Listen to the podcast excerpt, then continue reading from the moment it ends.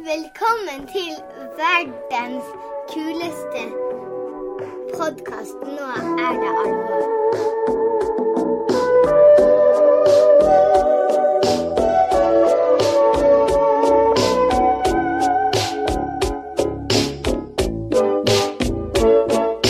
Right. Det du nettopp hørte, det var niesa mi, Ulla, som fikk den ære av å spille inn dagens eh, introvignett.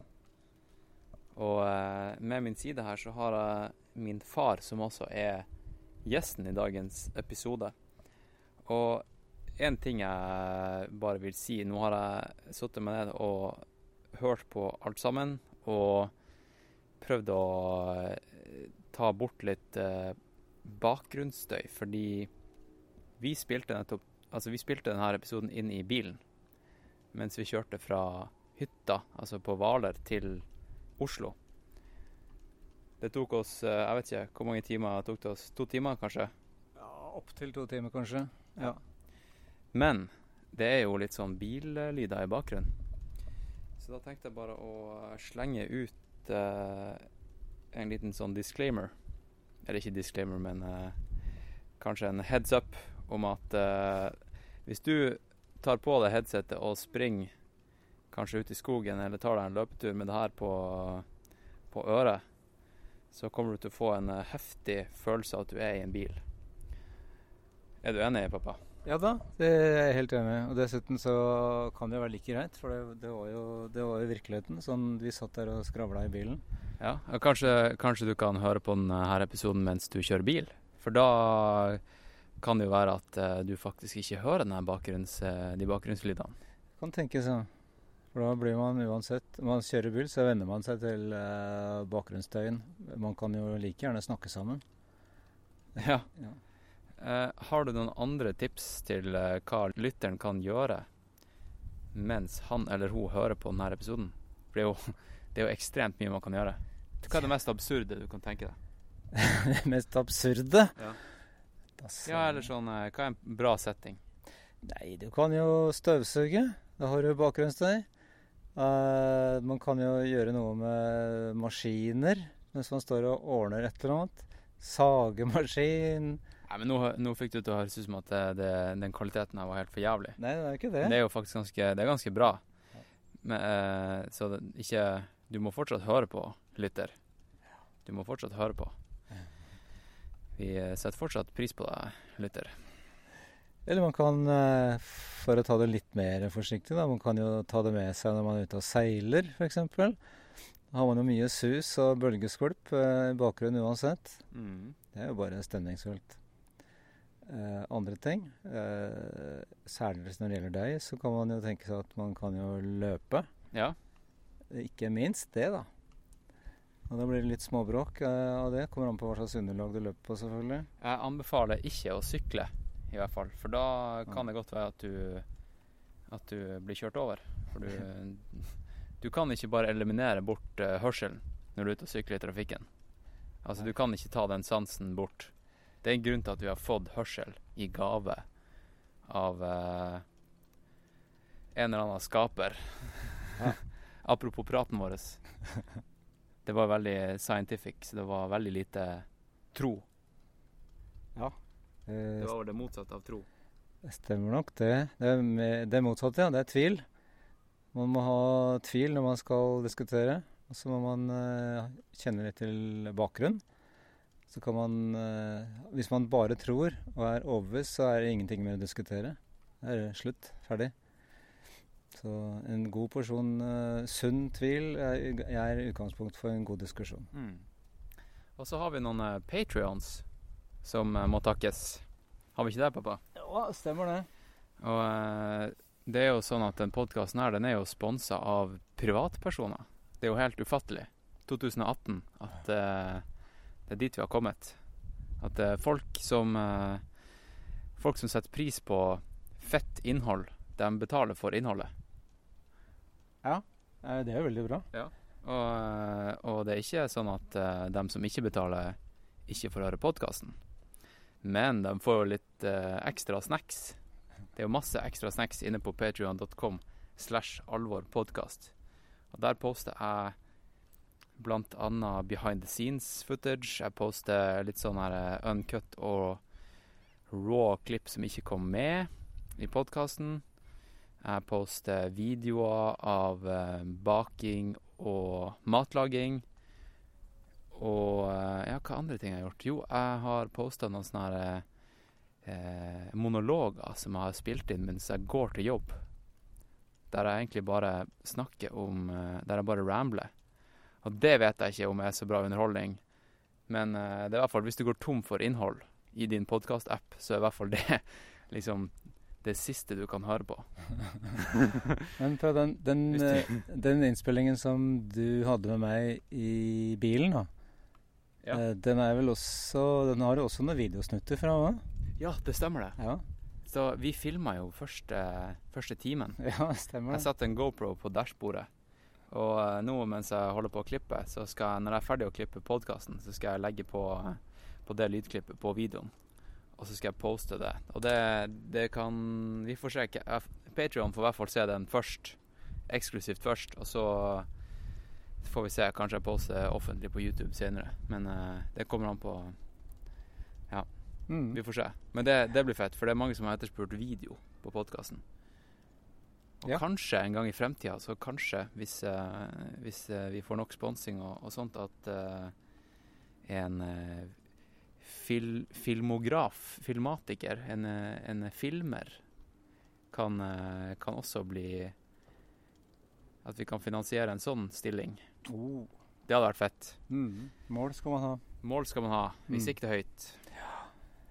Eh, jo, de her patrons Det er Nå begynner å bli faktisk ganske mange patrons. Mm. Men uh, det er bare dem som gir ti dollar eller mer, som fortjener Ikke fortjener, men som, uh, som skal få en shout-out. Og da kan du ta, ta og ramse opp fornavn. Vi lever jo i GDPR-tider, ikke sant? Så Ja det, det å eh, Personvern er viktig. Vi skal Ja. ikke røpe etternavn. Ja. Og fra og med i dag, er det det? Som den regelen trer i kraft? Ja, her på podkasten, ja. I, Eh, nei. Jeg tror også offisielt. OK. Ja, men da er det ja. superviktig. OK, Ja. da starter vi. Ja. Det, det er en del, så det er bare å ramse opp. Paul, Ja, ikke mellomrom mellom, bare ramse opp.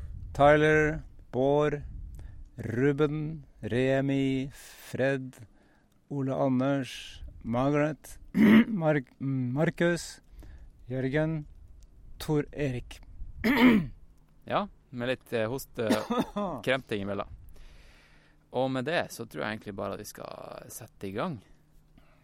Husker du sist jeg snakka om at jeg hadde kjøpt en sånn her svær knapp som vi kunne trykke på for å starte episoder? Det stemmer det. Den eh, krever også å mm, At man eh, sveiver en sånn svær sveiv i flere timer i forkant for at den knappen skal fungere.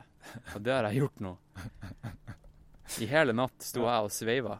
Det er helt utrolig. Så nå er den knappen eh, den er rett og slett heisa opp. Du må skaffe deg noe mer moderne. Men du skal i hvert fall få, få æren av å, å trykke på denne knappen, som er én kvadratmeter stor firkant. Og den Se for deg, lytter, se for deg en, eh, en brønn. En god, gammeldags brønn. Og jeg stod og, og, og heisa opp den, her, eh, den knappen. Og, og nå skal han pappa trykke på knappen, og så setter vi i gang episoden. Skal du ha nedtelling? Eller Vi kan, vi kan telle ned fra tre. OK. Tre, to, én!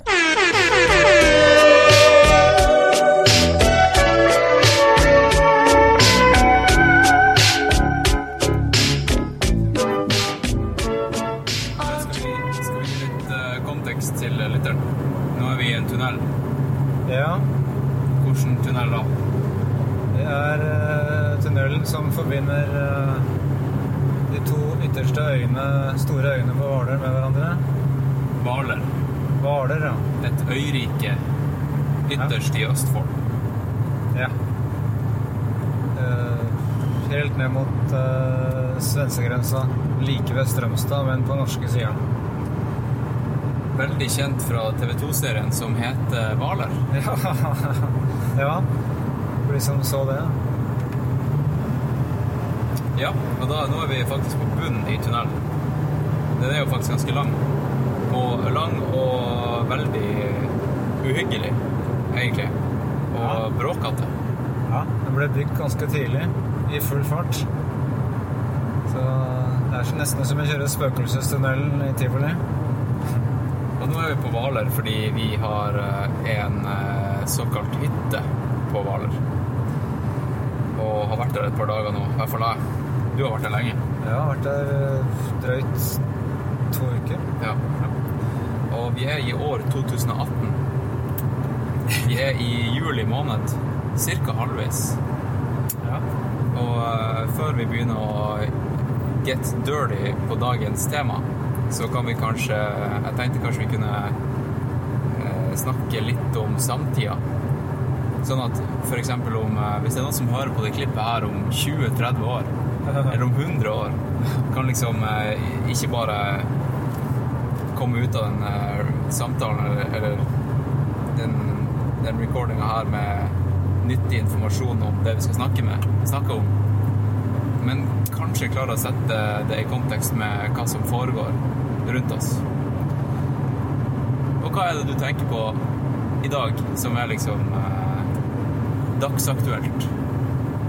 Dagsaktuelt i Bortsett, dag bortsett fra det som var på forsida av VG, som egentlig bare sa at eh, det blir sol fremover og tørke. Men det er kanskje faktisk litt aktuelt. Ja, det er akkurat det som er aktuelt. Ja. Det er jo kjempefint med sol og varm, høy temperatur badeliv og greier, men uh, nå merker vel de fleste at det kanskje begynner å bli nok. Fordi det er tørt. Det er supertørt overalt.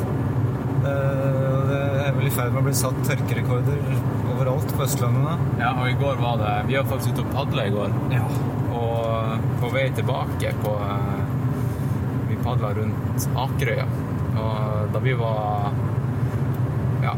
kanskje en halvtime hjemmefra, så så vi at det begynte å lyne Ja. inn i byen. Og det viste seg å være bare bitte litt av det som foregikk inne på Ja, litt lenger innover i landet. Og det var jo ufattelig mye lynnedslag som Ja. nå har skapt masse branner. ja. 150 skogbranner. Og det er til og med ulovlig å røyke flere steder. Eller det blir anbefalt å ikke røyke. Altså i, ikke bare inne i butikker og restauranter, men eh, ute i skauen. Så ja. Mm. Så hva, hva skal vi si til uh, fremtidige lytter som lytter på det her om ja, kanskje i 2079? De kommer til å tenke røyking. Hva, hva var det? Hva er det? Hva drev de med? Jeg får håpe at de sier det. Ja. Mm, At ikke det fortsetter å være uh, like vanlig som å tygge tyggegummi, liksom. ja. Ja. Ja, det er en snål greie. Så det, det, det kan være det vi har som dagsaktør. Johan Trump, han er jo også i vinden. ja. Ute og godsnakke med eh, fru May. Ja. Og, og litt om Nato og mye snacks. Så det er det som skjer. Ja. Og så For de fleste, eller for de ihuga fans av Noe det alvor, de ser tittelen på episoden, og så tenker de Han Bård, han Han vet jeg hvem er, for han har jeg hørt om før. Eller han, han hørte jeg i Noe det alvor episode Jeg tror det kanskje var 7 eller 8. ja, stemmer det. Og eh, da, da var tittelen 'Bård Smedsrød en mann som lever av å levere'. Ja. Og jeg tror eh, Jeg tror det var, ikke, det var ikke mange som skjønte ordspillet, egentlig. Det var vel mest meg og deg. Eh, kanskje du skjønte det etter å ha hørt hele episoden. Eh, fordi saken er jo at du lever av din ekspertise på lever. Stemmer det. Ja. Så derav lever Levere Ja. liv, Lever ordspillet. Ja. Nå vet du det, lytter. Um, ja. Så da var det sagt. Og uh, for uh, dem som ikke vet det, så er du faren min. Ja, jeg kan vel ikke nekte for det. Nei. Vi deler både etternavn og gener. Ja. Og eh, kanskje sans for humor. Og eh, Ja. Jeg tror det. Ja. Ok, skal vi, skal vi ta og Skal du kanskje snakke litt om, om eh, hvordan jeg vinkla det at vi skulle snakke sammen igjen? Ja, eh, kan du si noe? Litt sånn eh, eh, Jeg kan jo begynne med å si at eh, den samtalen her blir jo ikke med en eh, meg som eh, totalekspert på området. Og, og, og hvilket område skal det handle om? Jo, uh, ernæring.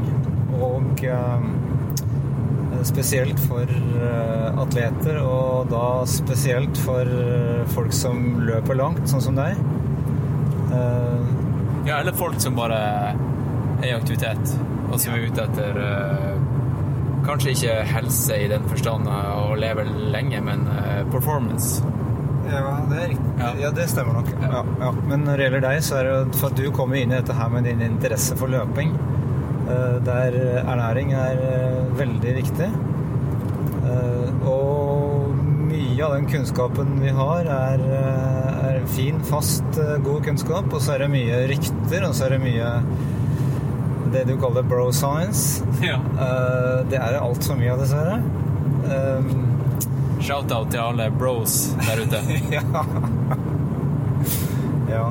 Uh, men uh, det som er vanskelig i det feltet her, er jo at det, det er veldig komplekst, da, det med ernæring. Uh, og det er altfor mange anekdotiske fremstillinger. Altså, det funket for meg, og det, derfor så funker det for alle andre. Det går ikke, an. Her må man snakke vitenskap og statistikk for å se at noe virkelig holder er vanntett da, for, for alle. Um, og, det er mye rart kommersielt ute. Helsekost er jo infisert av uh, eh, halvkvedde sannheter og til dels reinspikka løgn.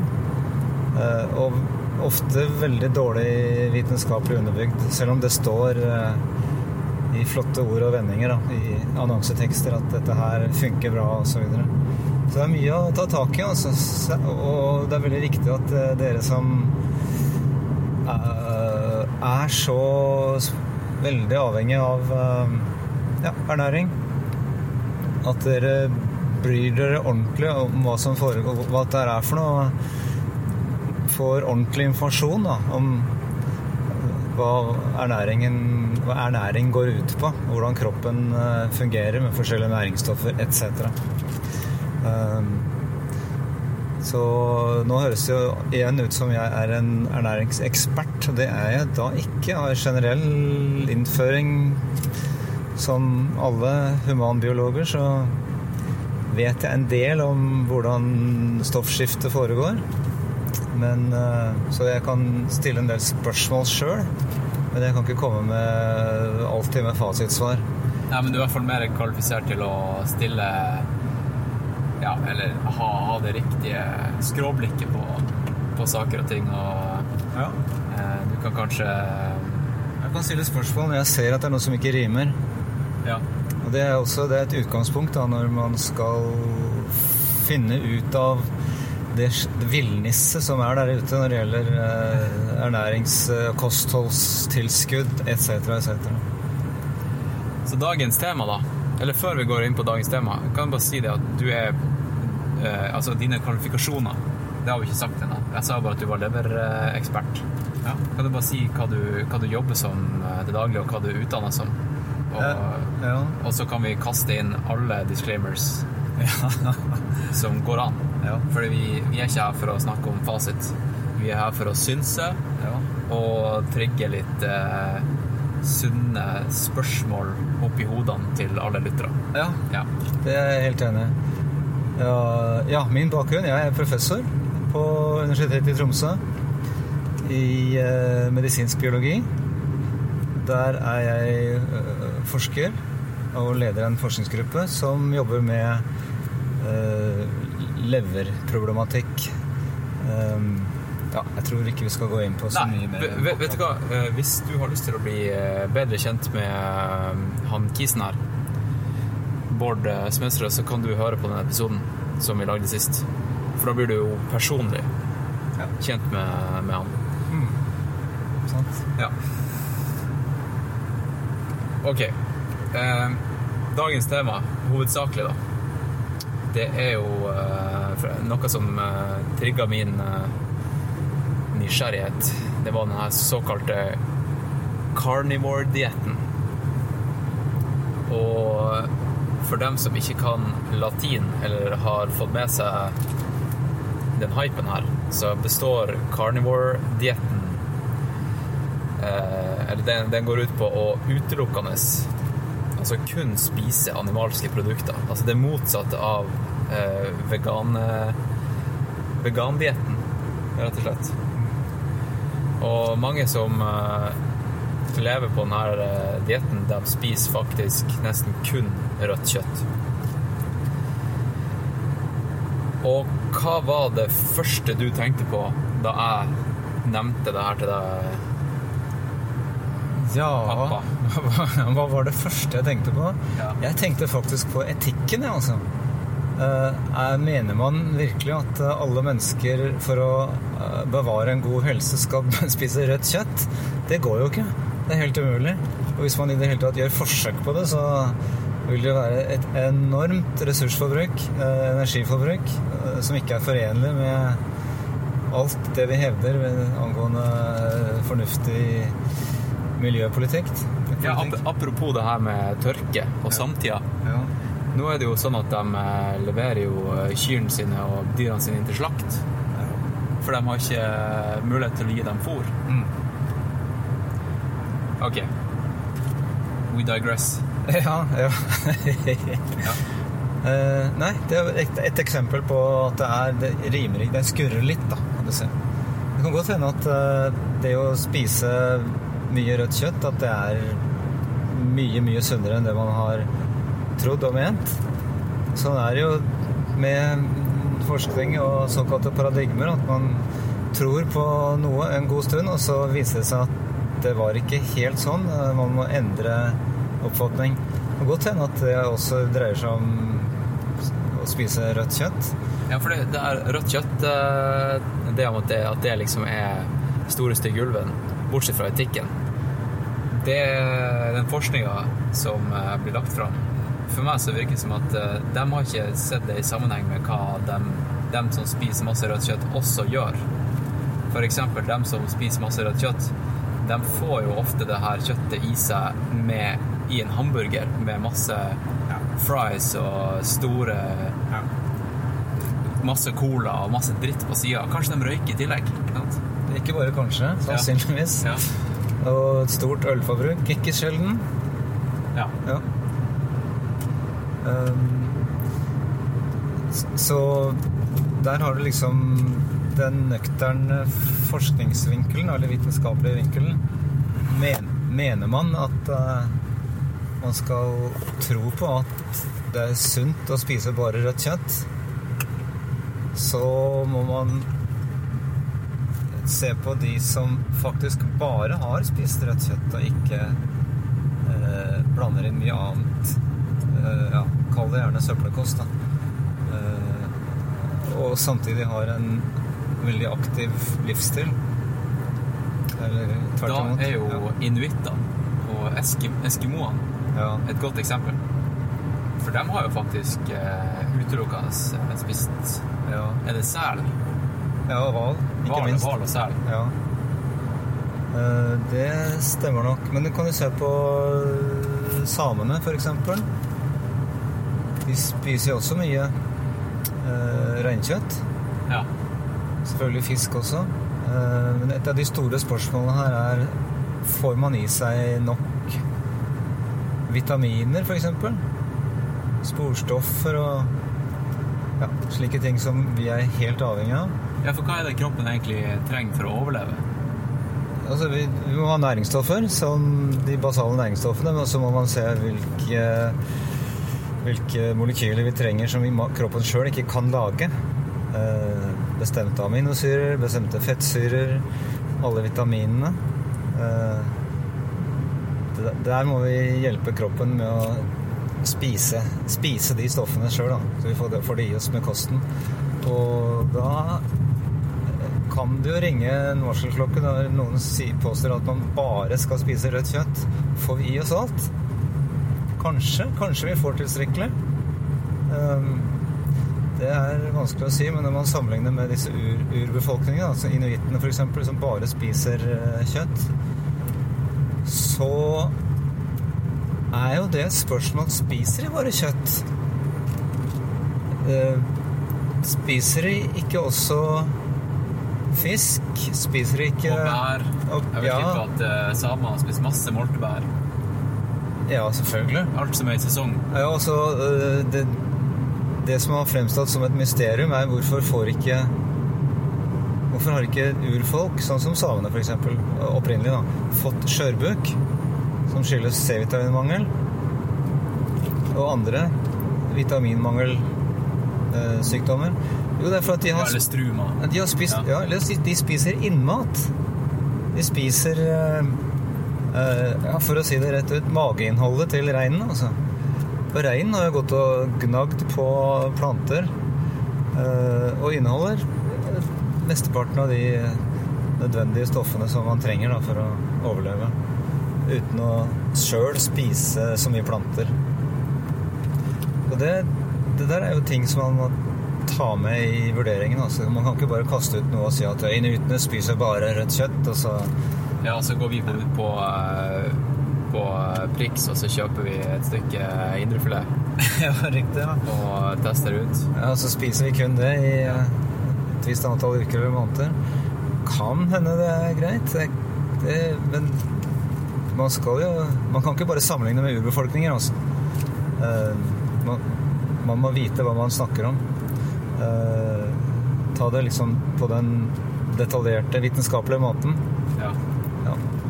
Jeg har også, det kan vi også snakke litt mer eh, om etterpå, også det jo det med eh, Jeg holdt på å si placeboeffekten av, eh, av det man putter i seg. Fordi jeg tror inuitter over hele verden har virkelig vært mindful rundt det de har spist. Hva er det som vibrerer der? Ja. Eh, De har virkelig satt pris på hvert eneste stykke av den reinen de har eh, slakta ja. og eh, ikke tatt det for gitt. Altså når de spiser det stykket med enten slakt som de har eh, dratt og Kanskje det ikke er rein, da, for det er jo ofte fra flokken deres. Men Ikke hos inuittene. ikke altså. hos inuitter. Men i, i andre stammer så har de jo dratt ut og, og vært jegere. Og kommet tilbake til familien med, med en slakt. Og dæven, da. Kanskje etter ei uke uten mat. Og da å få i seg det her Da tror jeg kroppen klarer virkelig å liksom dra ut ekstra næring. Det er i hvert fall min teori, da.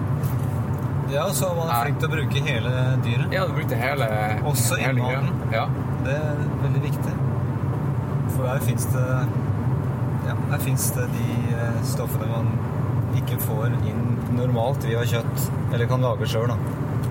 Fordi jeg har en teori om at hvis du Fordi det er jo mange som, som eh, klarer seg helt fint på junkfood hele livet.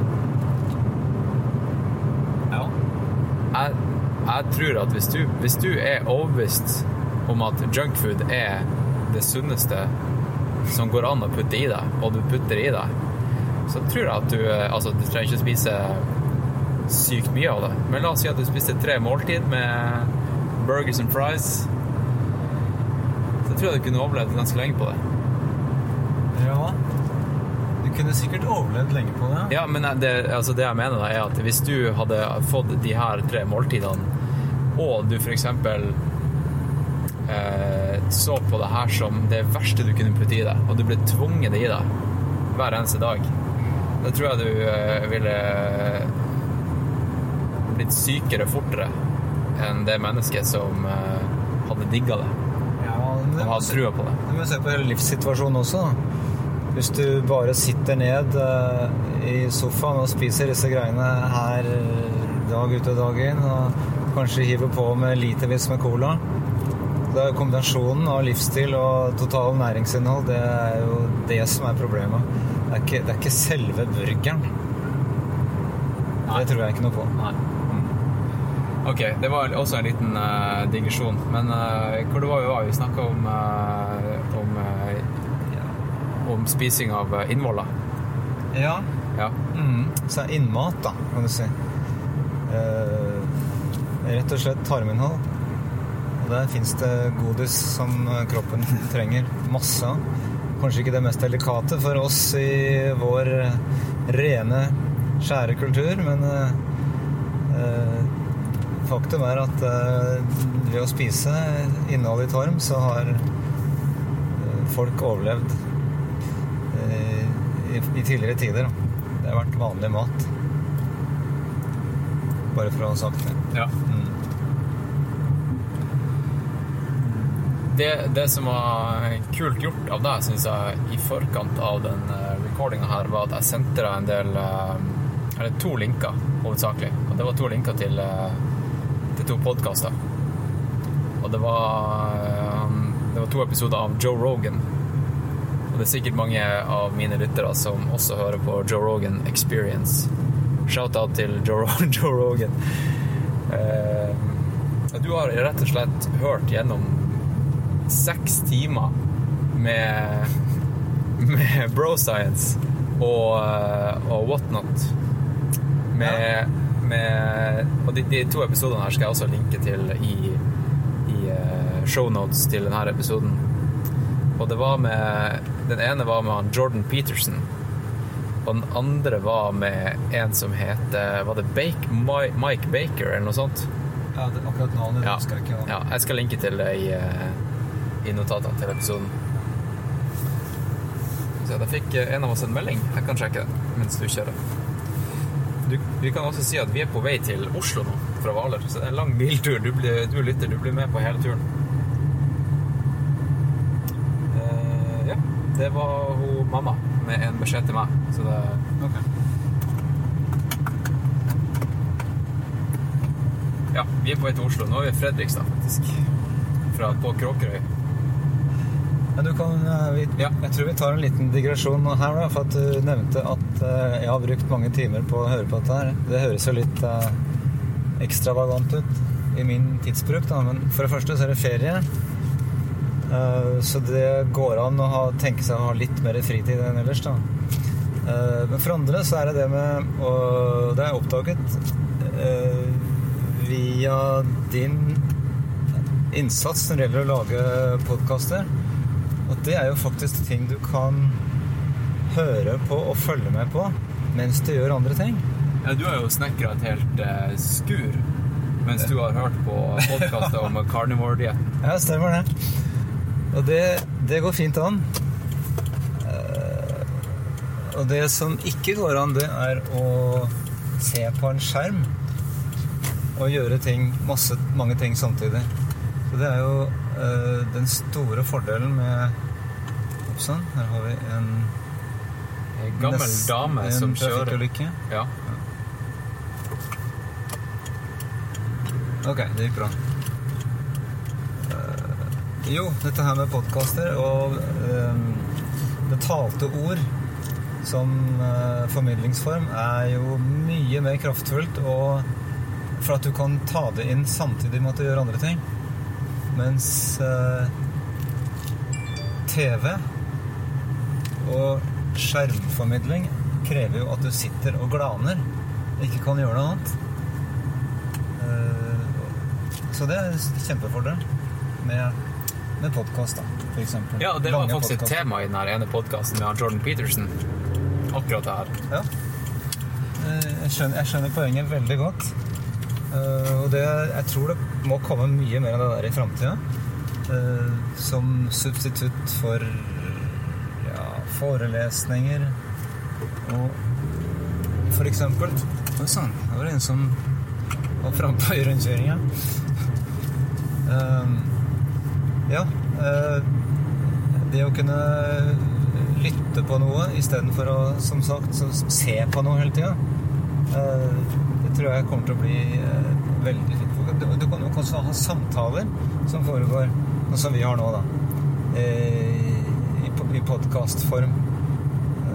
Som er langt mer kraftfulle og det gjelder overføring av ja, eh, argumenter og meninger og spørsmål. Og alt som har å gjøre med formidling, da. Ja, enn i f.eks. en artikkel eller, Ja, det, eller en bok. ja, Eller, ja, ja, Ja. sammenlignet med en bok er jo ekstremt god, da. For da må du også sitte, virkelig sitte og lese. Eh, og da må du sitte deg i en godstol omtrent for å, å la være å gjøre noe annet enn å lese. Eh, så mange takk til Gutenberg som fant opp skrivekunsten, men jeg tror vi er nok laga for å snakke sammen og overføre erfaringer og kunnskap via samtaler mer enn å lese i en bok. Altså. Det er jeg nokså sikker på. Ja, fordi sett historisk sett, så er jo eh, Altså, når var det Gutenberg kom med sine Ja, det var eh, rett før Luther herja, holdt jeg på å si. Litt før eh, Ja, tidlig på 1500-tallet. da. Ja. Så 600 år har mennesket levd med, med skrift. Eller tryk, Ja. trykka. Ja, det begynte da. Skrift. Ja. ja. Det har jo selvfølgelig vært eh, hieroglyfer og uh, helleristninger. Det har liksom ikke vært de store eh, mursteinene av romaner, da. Som, som ble i form av eh, hieroglyfer. Nei. Eh, Men det er jo også selvfølgelig veldig verdifullt at man eh, kan meddele seg skriftlig. Men man må ikke glemme den store verdien i eh, eh, dette med samtaler, og særlig nå som man har medier som f.eks. podkast, som du kan sette deg og lytte på når du vil. Sånn har det ikke vært før. Det er jo noe helt nytt som man må- er nødt til å utforske ordentlig bruken av. Ja.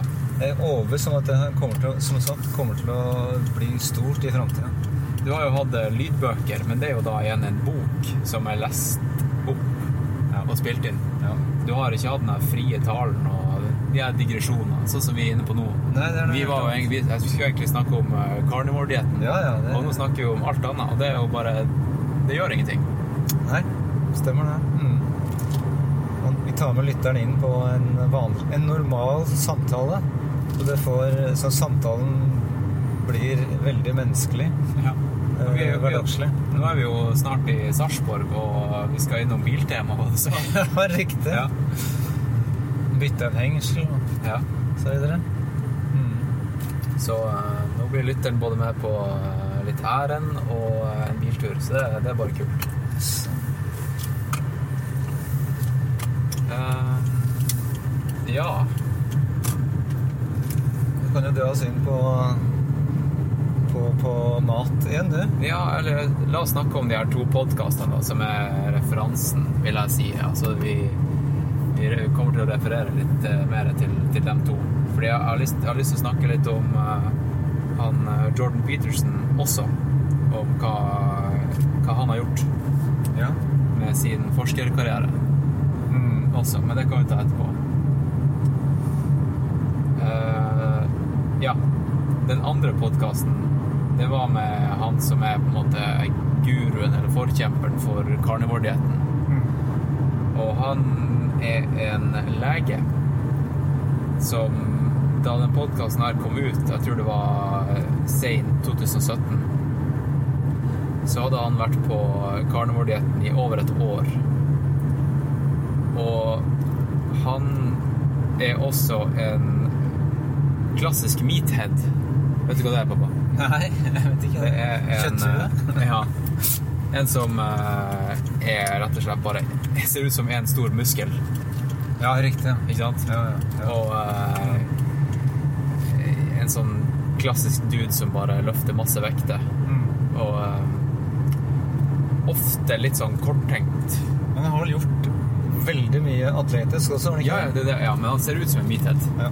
Og nå, nå er han jo faktisk bokstavelig talt et meathead, for han spiser jo kun meat, altså kjøtt. Men han, eh, han har jo også verdensrekorden i innendørs roing.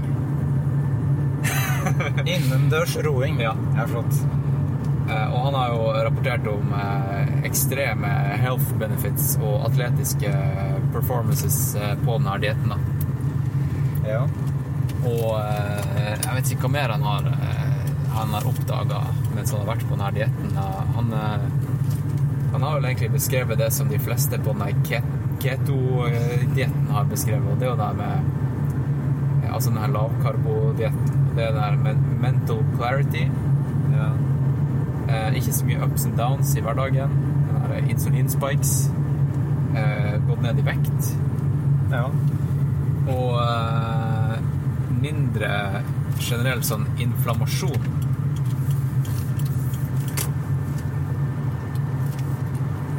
Og hvor skal vi se, hvordan andre type helpen? Ja, sånn her irrasjonell sult. Han spiser når han trenger næring. Og selvfølgelig, han digger jo kjøtt, så han eh, har ikke noe imot å, å gå på denne dietten. Mm. Og han, eh, Jordan Peterson han er jo ikke en som trener noe i det hele tatt. Han har eh, hele livet slitt med eh, søvnmangel og og depresjon og angst. Og jeg husker ikke. Han har masse andre helseissues. Jeg tror det var snakk om autoimmunsykdommer også. Ja. Ja, ja, ja. Så han eh, Som han nevnte. Ja. Mm. Og han har også gått over på carnivore-dietten. Og ikke fordi at han ville prøve ut Carnival, men han gikk den klassiske elimineringsmetoden til verks. Og det er jo rett og slett bare plukk bort komponent for komponent i, i kostholdet ditt og se hva som skjer når du tar bort én ting om gangen. Mm. Og han endte jo opp med å kun uh, sitte igjen med et stykke kjøtt, og nå er på carnivore-dietten. Med carnivore-dietten da har du lov til å spise alt som er animalsk. Altså du kan spise egg, fisk, kjøtt, eh, feite melkeprodukter. Eller egentlig bare melk generelt, fordi det er jo ikke Det er det vel mange som unngår på ketodietten, melk, fordi det er en del sukker i, i, i melk. Veldig mye sukker i melk. Ja. Mm. Og så Ja. Det er vel egentlig det, da. Og dem som rapporterer om eh, Eller de health benefitsene de har rapportert om, er jo rett og slett at de har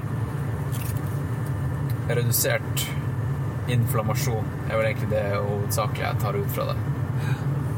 Kan vi eh, kanskje snakke om inflammasjon også litt? Ja, vi kan snakke om eh, mye av dette her, men Ja, jeg bare lyst det var veldig mye å ta tak i. Ja, men litt sånn generelle ting først, altså. Og det er at eh, begge de personene som du trekker fram, og som jeg har hørt på eh, De forteller om seg sjøl. Stort sett, da. Gjelder dette her Ja. ting de har gjort eller opplevd selv, eller utprøvd selv. Og så beskriver de effektene på deres egen eh, fysiologi og det, hvordan de ja, de har fått det bedre i livet, liksom.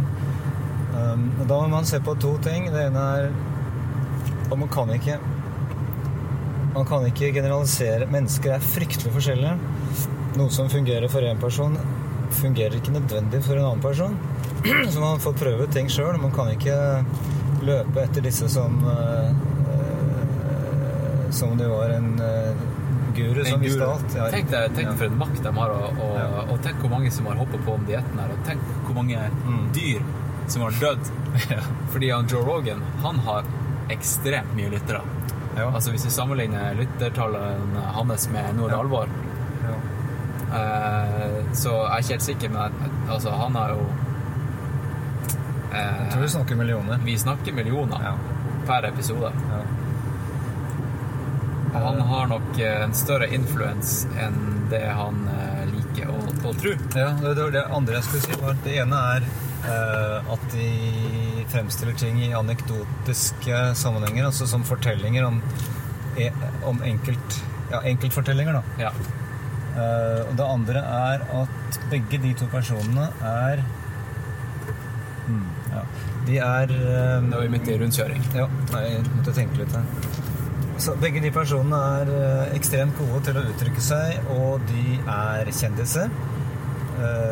Og veldig, som sagt, veldig flinke til å legge fram saken sin i, på en troverdig måte.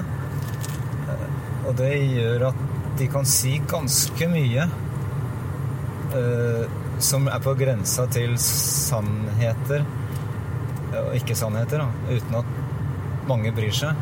Og, Det her går jo spesielt fra Jordan Peterson. Han Ja. andre vet jeg ikke. Mm, Nei, men Han er- sier ting i hvert fall med en, sånn, en ganske bastant røst, så du tror på. Ja, riktig. Ja. Så det er de to tingene. De, de er flinke til å uttrykke seg. Uh, og så bruker de ofte seg selv som eh, levende vitneseksempler. Eh, det, jeg vet om flere eksempler på det, og det, det er vel og bra at eh, folk blir friske og fine og i god form og sånt. Og, men det, det er ikke sånn at alle skal gjøre akkurat det. For å bli, komme i god form eller for å holde seg friske livet ut. Man må, man må tenke litt, litt lenger, litt videre, altså. Ja, Mm, rett og slett. ja. Men, det, men, samtidig så er det kjempefint at de eh, At de lager vei i vellinga, at de rører om i gryta, og gjerne er eh, Gjerne litt arrogante i måten å uttrykke seg på, og irriterer andre folk som påstår å ha kunnskap om dette her. Og det har de jo klart da. Eh, De har fått ganske mye motbør, de som har hevdet dette her. Det er jo litt forståelig også. Eh, Og det, gjelder både det rent ernæringsfysiologiske, men også det etiske. Eh, Og det, den diskusjonen må gå hele tida. De har jo ikke løst noe problem sånn. Det er ikke sånn, det er ikke sånn at nå er det sånn, liksom. Eh, Hvis man ser litt tilbake i den nyere tids historie, så så kommer det opp sånne trender med jevne mellomrom. Man skal gjøre sånn og sånn, og så får du et lykkelig, flott liv. Og det, det funket på den personen. Og, eh, og vi mennesker er jo litt naive av og til og hopper rett på trender. Særlig hvis det er beskrevet på en eh, overbevisende måte. Ja, vi elsker jo en pille. Vi ønsker, vi ønsker en enkel løsning. Ja. Ja. Mm. Vi elsker jo eh, Tenk deg hvor mye spenn Vitapro har uh, har tjent på uh, på å love at eh, det fikser alt mulig. Ja. ja. Shout-out til Vitapro. Ja, jeg tror nei da. Å nei da. Nei, Nå det, får vi bli sikkert nedringt av eh, masse advokater snart. det tror jeg ikke gjør noe. Nei. Eh, Det er veldig mye bad science der ute, altså. For å referere til den boka som ble skrevet om eh, medisinsk problematikk og alt, alt, all den humbugen som foregår der ute. Eh, det er veldig trist at ikke folk At ikke folk som kan feltet på en seriøs måte, at ikke de eh, står opp og, og protesterer vilt. Men man skjønner jo hvorfor. Det er fryktelig vanskelig å være whistleblower i, i, det, eh, i det miljøet der. For at de, de, du vil få en ekstrem hard medfart. Eh, så det, det Fra miljøet, da. Ja, for det, det, det er den beste retorikeren som vinner diskusjonen. Ja. Det er ikke den med de beste argumentene. Nei, det er akkurat Og det er den som har mest lyst til å vinne diskusjonen, som til slutt vinner.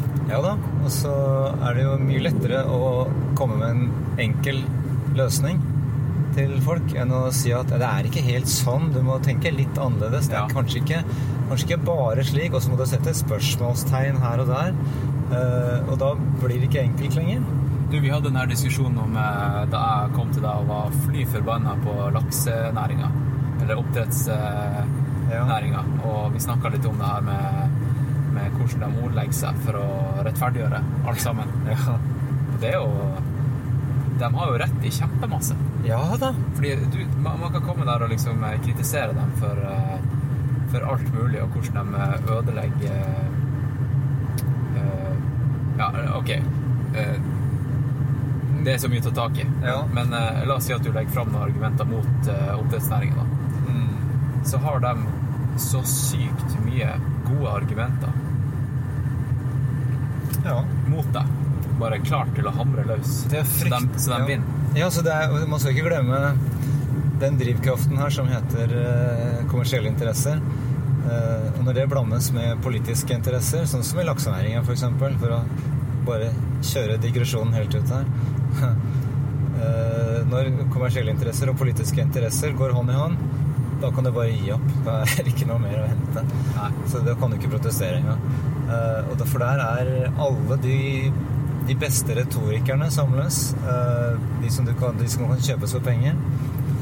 Uh, og politikerne er jo De fleste, de store politikerne, er jo eksperter i å føre en diskusjon uten å tape.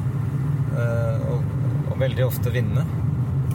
Uansett om de snakker om de mest vanvittige eh, løsningene som de har forslag om. Eh, for det er jo jobben deres. Det er sånn de, de skal eh, de skal, skal overbevise folk om eh, at eh, en viss type politikk eh, er riktig. Mens andre som har kritiske synspunkter, skal mer eller mindre uskadeliggjøres. da. Det er vel der han Jordan Peterson er veldig interessant, fordi han det I politikk og, og retorikk så handler det ofte For å vinne en diskusjon, så handler det ofte om å vinne en popularitetskonkurranse. altså den som, den som kommer best ut av det. Du, du vil bli mest likt ofte, sant? Ja. Det er derfor det er mange som, eh, som blir president og statsminister og sånt. Det er jo folk som er litt sånn eh, good looking, og, og folk, eh, folk liker dem. Personligheter. Ja. Det er ikke alltid at eh, de har de beste synspunktene, men det er jo en god representant for landet. Men han er, han er Eller tror folk. Men Jordan Peterson han er jo ekstremt krass, men han har rett også. Veldig ofte, i hvert fall. ja, veldig ofte. Ja. Ikke alltid, kanskje, men veldig ofte. Men han er, han er ganske blunt, om man kan si det sånn. Rett på sak. Ja. Bang, bang. Ja, og er sikkert eh, kjempeflink til å irritere på seg eh, mange på grunn av det. ja, det var jo det som skjedde med han. Han eh, irriterte på seg masse folk på universitetet han jobba på. Ja. Og så nok folk til å faktisk få han til å få sparken Ja, fra universitetet sitt. Ja. ja, han er sikkert eh, Ikke fordi han hadde feil, men Nei. fordi at folk ikke likte han fordi at han var såpass krass. Ja, Han, han la fram statistikk og uh, var superærlig på hva statistikken betøy. ja. Og uh, det likte ikke folk, rett og slett. Mm, selvfølgelig. Du kan ikke argumentere mot. Nei. Og det er jo noe av det verste. Sånne folk uh, er veldig irriterende for, for folk som mener det motsatte. Da. Ja. Og det var vel her i det her tilfellet så var det vel eh, alt det her med den, den debatten som går på, på likestilling av gender og pronouns og Ja. alt sånt. Ja. Det, det er jo forskjell på Det er forskjell på rik og fattig, det er forskjell på kvinne og mann. Uh, mye av det er fullstendig galt, skal ikke være sånn, men, eh, men man må jo innse virkeligheten. Altså. Noen har fått mye i form av IQ osv. Det er jo forferdelig kvalmt å snakke på en måte, men eh, det er jo det er sånn det er. Eh, og hvis man Det er jo vanskelig å imøtegå sånt med på en, Ja. Nå, nå er vi på biltema, nå skal vi gå inn her, og så Så skal du lukeparkere litt. Og så, ja, ja, det, ja, jeg tror vi Du får bare sette, pause på stopp nå, og så Ja. fortsetter vi etterpå. Ja. Nå er det alvor. ja, da går vi rett på sak. Du er på igjen? Ja. Ok. Da kan vi jo fortelle litt hva vi har gjort nå. Nå har vi vært på jakt etter uh, sluttstykket til en lås. Du skal skift, fått sette inn en dør på et, et På, lite på, ja, på det her skuret som du har bygd mens du har hørt på, Ja, eh, på. Joe Rogan. Ja. Så fant jeg en, eh, en dør på det er en sånn eh, avfallsdeponi, en sånn returstasjon.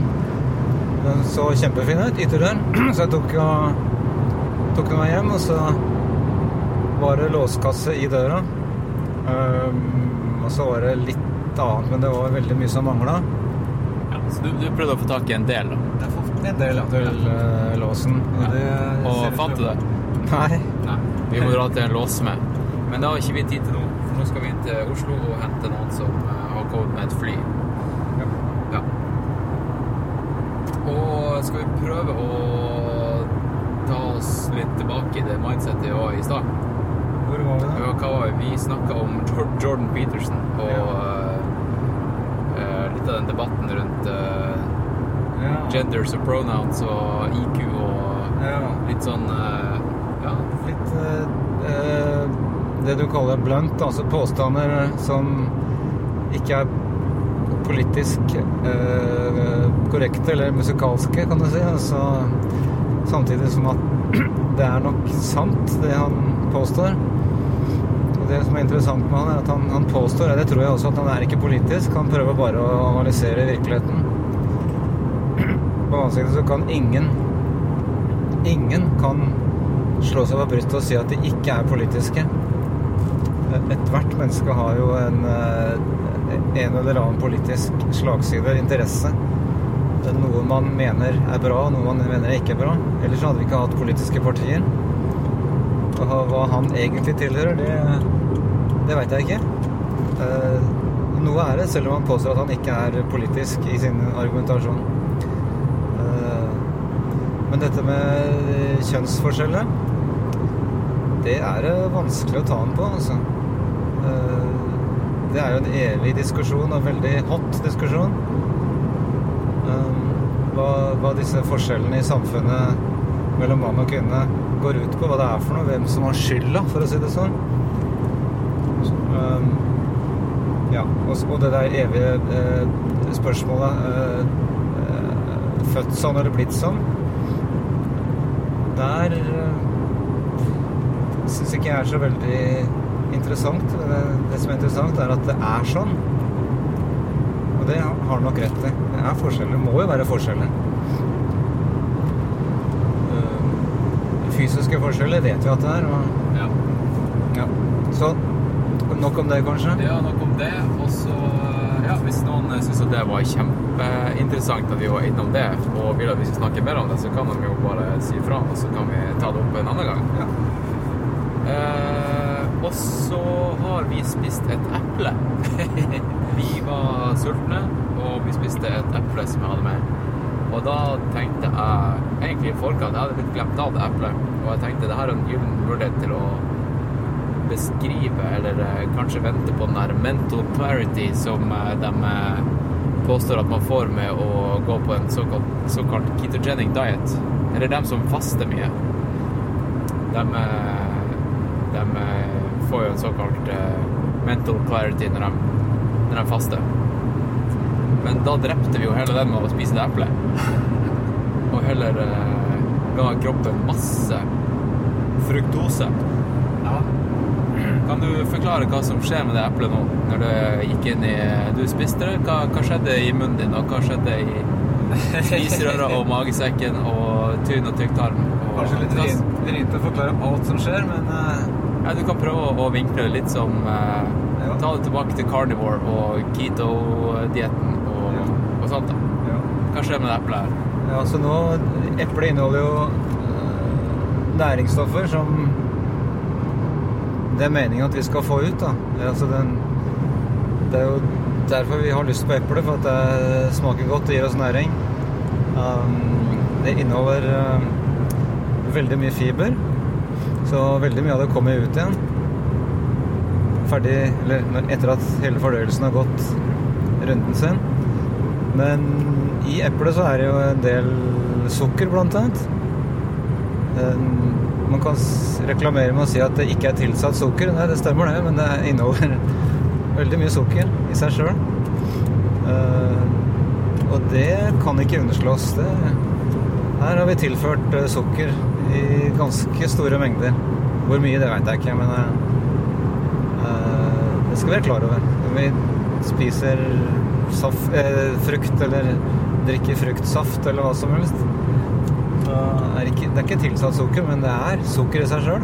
Du, er vinduet opp åpent litt? Nei. Okay. Suster det? Ja, det suser litt. Det er litt mer lyd her nå i bilen enn det var i stad. Men det kan være at det er asfalten som var en sånn kjører det. Nå går det 110 her, så. Ja, ok. Og vel så det. Ja. Det er hva som skjer. Det første, jeg vet ikke hva det var på jakt etter. Det første som skjer, er at vi prøver å tygge. De som har god tid, kan jo tygge lenge. da. Jo mer vi tygger, desto mer får vi ut av det. De som er veldig sultne, vil jo tygge et par biter og svelge hele dritten. Og da får du ikke så veldig mye igjen for det, da. Når du kommer inn i tarmen. Ja, altså, du må jo Tar ikke kroppen seg hånd om eh, Nei, må si biffen? Nei, du må jo løse opp og Du må jo løse opp eh, det du spiser, i, helst i så små biter som mulig. Derfor så er munnen en del av fordøyelsessystemet. Det er en grunn til at vi tygger ting.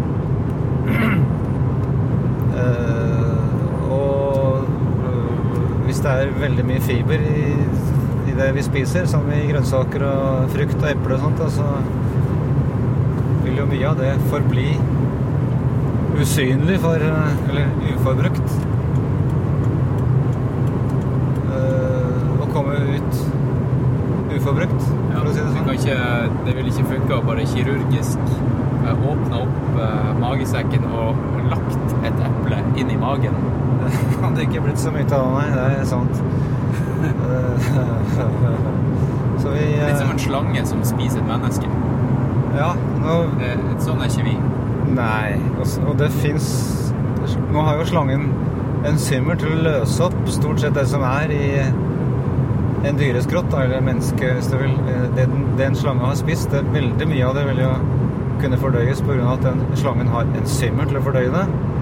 Eh, Det er veldig begrensa hva vi har av enzymer til å fordøye plantekost.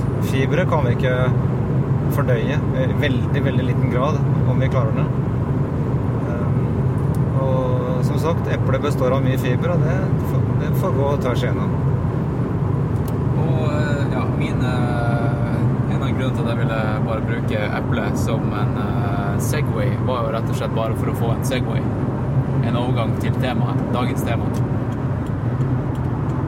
Og eh,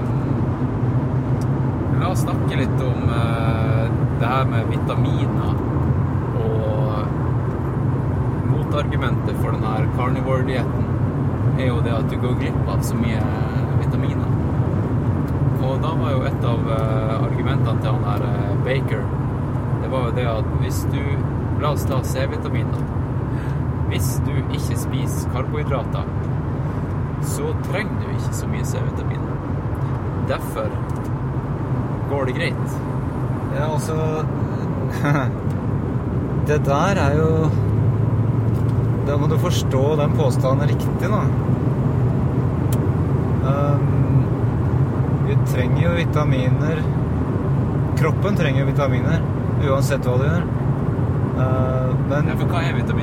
Ja, det er små ganske, ganske små molekyler som Såkalt Såkalte organiske molekyler, da, som eh, trengs i forskjellige viktige aktiviteter i kroppen, sånn som eh, Det kan være at enzymer trenger vitaminer for å kunne virke. De samvirker med vitaminer. Uten vitaminer så er det en del enzymer som ikke funker. Eh, ja, det er en del andre ting også der vitaminer spiller en eh, sentral rolle i opp, oppbygging av kroppen. Eksempelvis, siden du tok, begynte å snakke om vitamin C. Én av vitamin C sine egenskaper er at eh, eh, kollagenet som det fins det, det, det proteinet som det fins mest av i kroppen Beinstrukturen er jo nesten alt. Protein i bein er kollagen. Veldig mye av eh, proteinet i hud er kollagen. Og bindevevet i muskulatur er også kollagen. Så kollagen er viktig. Og, og det, det som er tilfellet med kollagen og vitamin C, er at uh, hvis du ikke får tilført vitamin C, så faller kollagenfibrene sammen. Du, du får ikke bundet dem i, uh, de lange fibrene som de skal eksistere i. Da. Eh, og da, da blir bindevevet ødelagt, og kar, blodkarsystemet blir ødelagt. Eh, og i verste fall så, så dør man, rett og slett. Eller så faller jo hele kroppen sammen, da. Beinstrukturen blir dårlig, og så. Så, men tilbake til eh, det at kroppen ikke trenger vitaminer, eller, eller C-vitamin, la oss ta utgangspunkt i det. Kroppen ikke trenger så mye C-vitamin hvis man spiser veldig mye rødt kjøtt. Eh, altså, kroppen trenger jo like mye C-vitamin til de prosessene inni kroppen. Men den trenger ikke, kanskje ikke å spise så mye tilført Ja, vitamin C. Fordi det som påstås, som jeg ikke visste Og jeg, jeg tillater meg å tvile på at det er tilfellet, men eh, det som de her gutta du snakket om på de podkastene sier, er at øh, glukose, altså den viktigste sukkervarianten da, i, i kroppen eh, eh, Glukose tas jo opp i celler via reseptorer. Og så er det påstått at øh, hvis du spiser mye glukose, så blokkerer du samtidig for opptak av vitamin C. For det bindes til de samme reseptorene. Det var noe jeg ikke visste, og det jeg skal ta og sjekke opp. Det høres litt rart ut. Eh, men ja, som sagt, jeg tillater meg å tvile litt på det foreløpig, uten å være skråsikker. Eh, Så glukose skal altså være en eh, en slags konkurrent vitamin C for å tas opp. Eh, og- det er vel det han henviser til, da. Ja, det er vel det, tror jeg. Ja, ja. Du, trenger ikke, du trenger bare bitte litt C-vitamin i kosten for å få det du trenger hvis du ikke spiser sukker. Eh, Det er jo det som menes. Ja.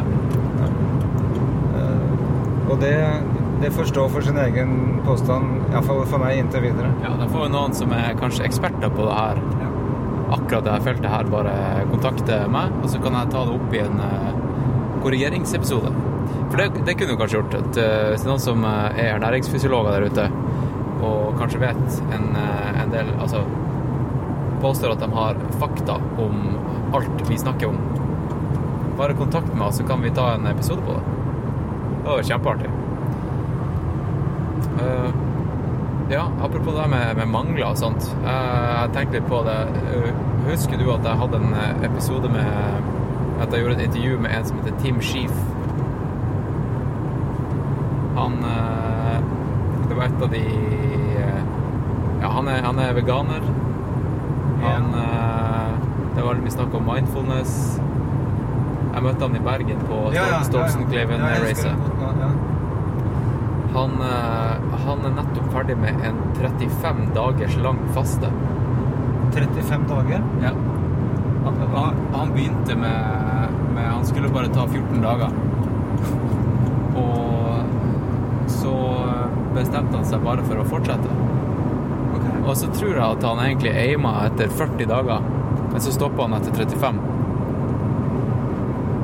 Ja, jeg tenkte han på historien med Jesus som gikk i ørkenen. Og... Ja, jeg tror faktisk det var det. Jeg tror det var det. Ja, han ville replikere det. Eh, Det var en av tingene, da. Litt sånn eh, for å teste det ut, og eh, han gjorde det mye for også å Ja, vet du hva, jeg kan egentlig jeg, jeg, gid- Ikke at jeg ikke gidder, men for du lytter som ble supertrigga av det her, så kan du gå inn på link, trykke på linken i show description til denne episoden, for jeg skal linke til en av videoene der han faktisk breaker fasten sin med å spise melon. Det, det, det er noe av det sjukeste jeg har sett. En mann som har sulta seg sjøl i 35 dager, setter seg ned foran kamera og tar en bit av honningmelon, tror jeg det var. Og du bare ser han, han, han beskriver hvordan det er å, å smake melon for første gang. Han sier det er som å, å være en eh, et barn som spiser for første gang uten å vite hva smak er for noe. Han har på en måte nullstilt smaks, eh, smakssansene.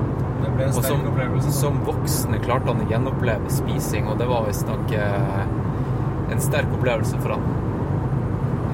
Så jeg anbefaler alle å sjekke det ut. Altså. Ikke, ikke gjør det samme som han.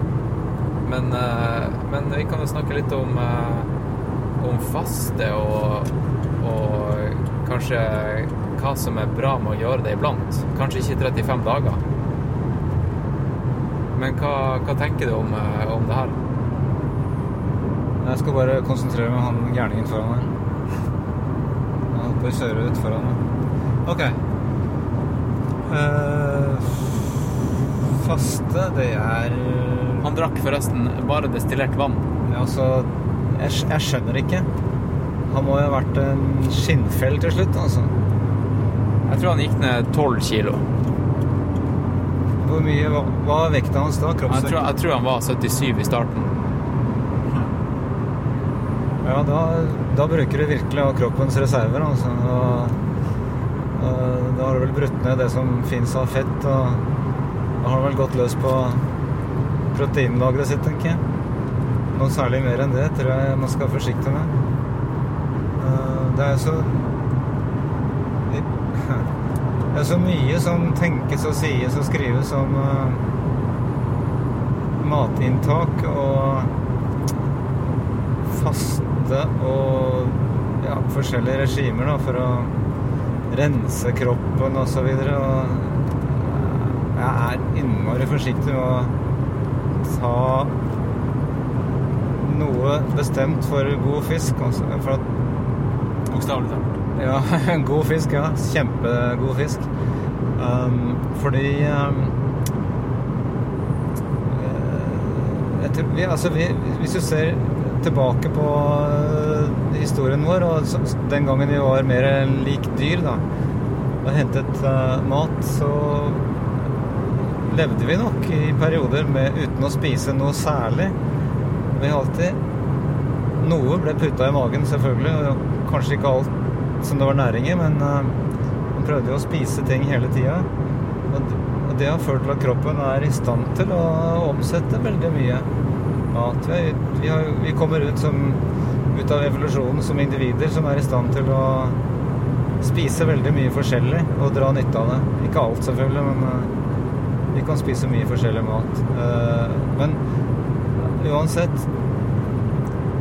det å bli hva det jeg kaller fanatisk med hensyn til matinntaket, det uansett spise mye eller lite, eller konsentrere seg om én bestemt type mat Jeg tror Jeg tror ikke noe på det, altså.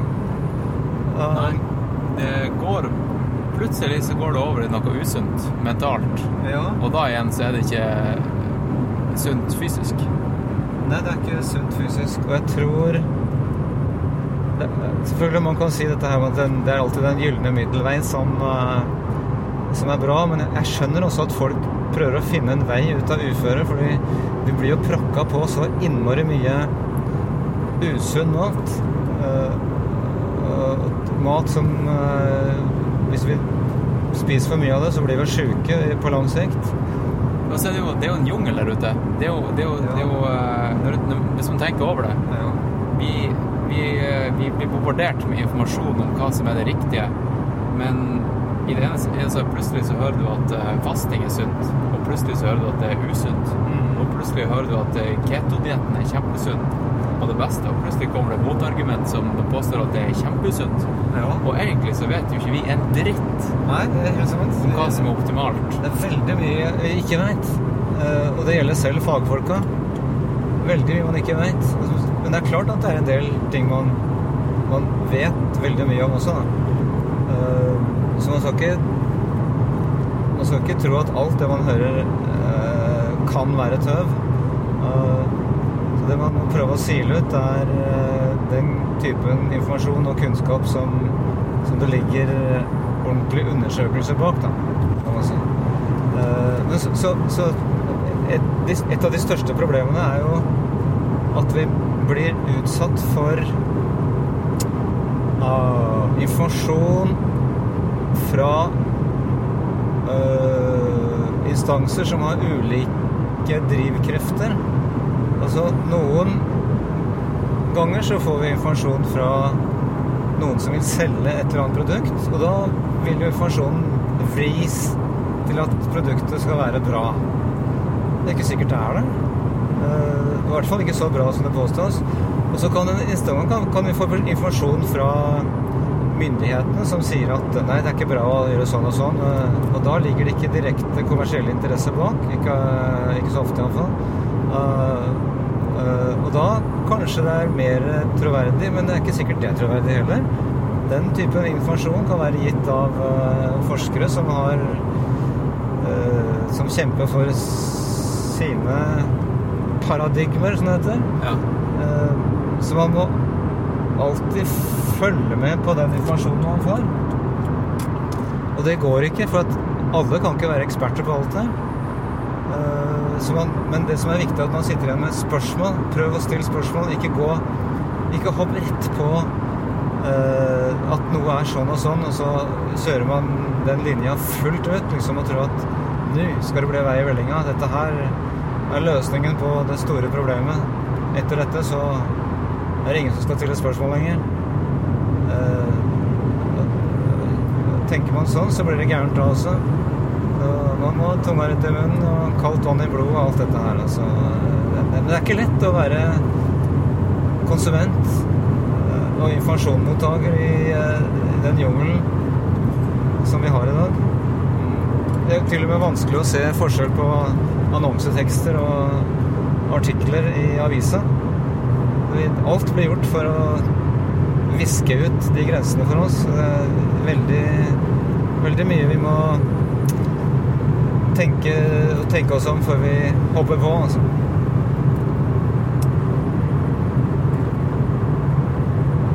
Ikke, lett å vite når du blitt satt ut, for at jeg jeg har filma hele den seansen her i bilen med en GoPro på dashbordet. Og nå ble GoProen full i minnet, så da stoppa den videoen her. Cirka eh, halvveis mellom eh, Rygge og Ski. Ja. Nei, men det Ja, hva skal man tro på, liksom? Det, du må egentlig bare finne din vei det jeg merka da, for jeg har jo vært ganske inne i den her veggis, eh, vegetarverden de siste årene.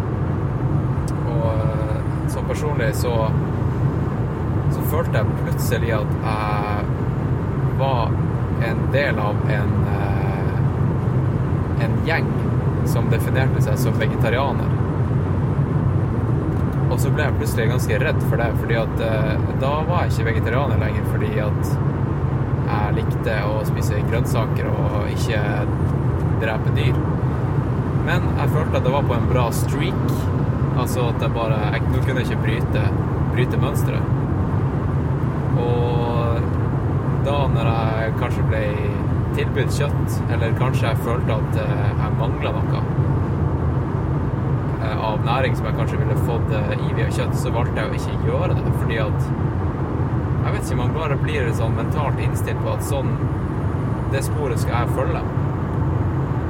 Og, og da merka jeg at da, da var ikke det mentalt sunt. da.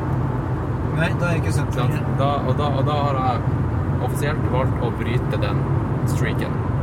Og det nevnte jeg kanskje i forrige podkast eller en eller annen tidligere podkast, at jeg, da gikk jeg eh, med ens ærend ned til Strøm Larsen, slakteren på Torshov, og kjøpte et stort stykke eh, okselever og lagde leverpostei og begynte å spise innvoller.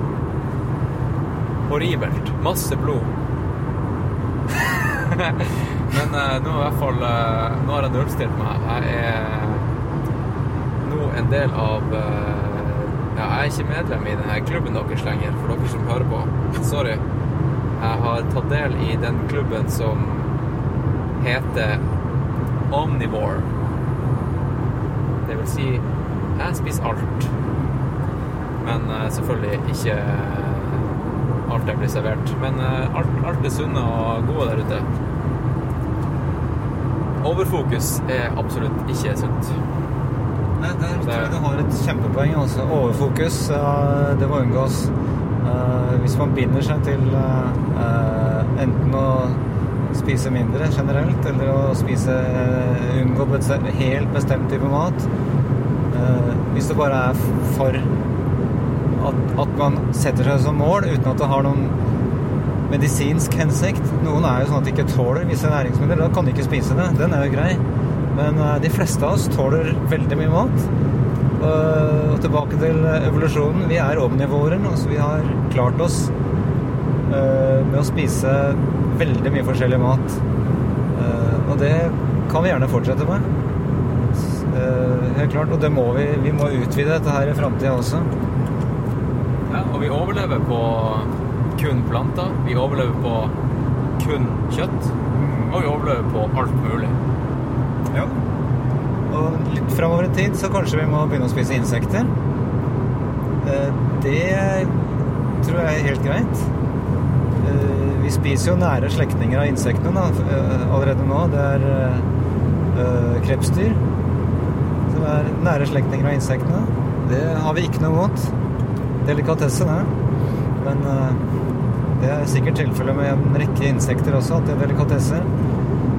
Eh, Så lenge det er eh, proteiner og, og litt karbohydrater og litt fett, kjempebra. med snacks. Jeg kjøpte faktisk, da jeg var i San Francisco i fjor, så kjøpte jeg med meg en del sånne uh, bars. For det liker jeg, å se hvordan, eh, hva som er ingredienser i sånne her eh, sportsbars og sånt. Og så gikk jeg en sånn lang reol på en eller annen Whole Foods eller noe sånt. Og bare eh, Ja, det var jo en jungel av bars.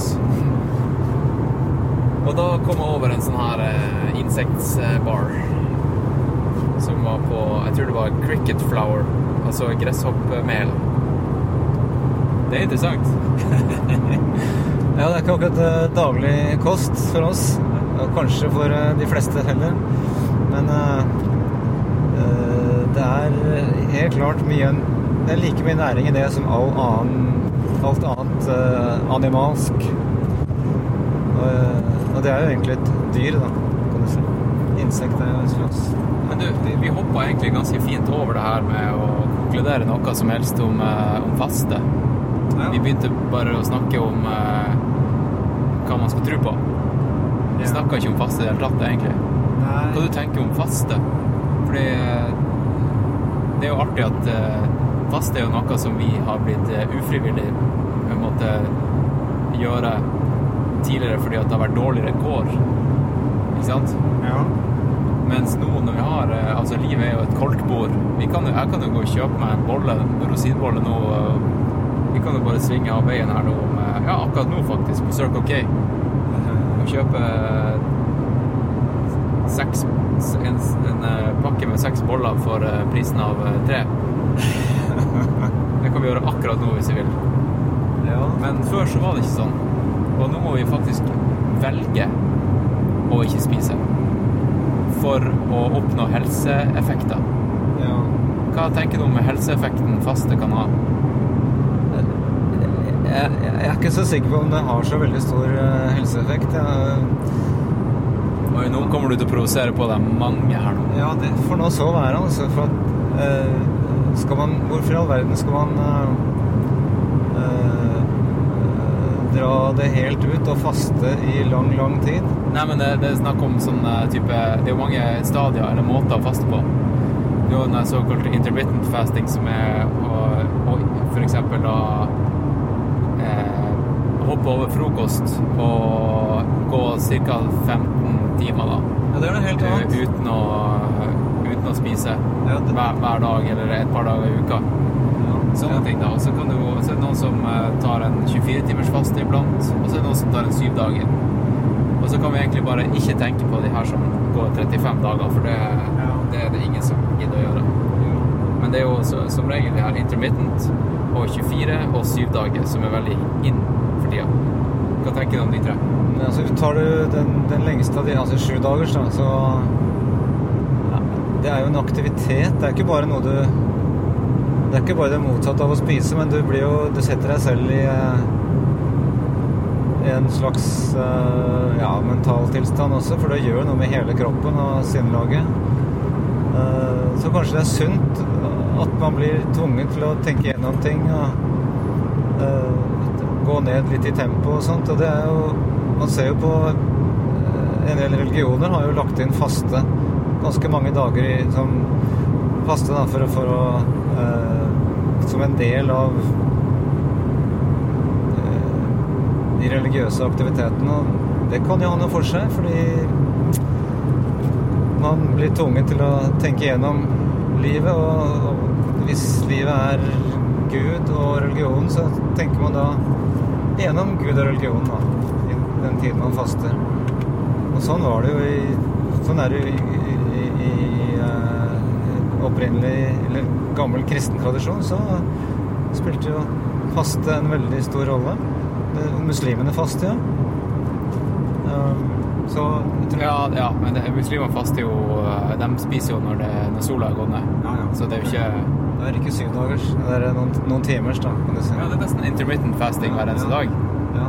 Jeg tror at uh, den typen intermittent fasting, da, som du sier Jeg tror det er helt greit. Jeg tror ikke det eh, gjør noen ting. Uh, uh, tvert imot. Fordi når det gjelder dette med helse og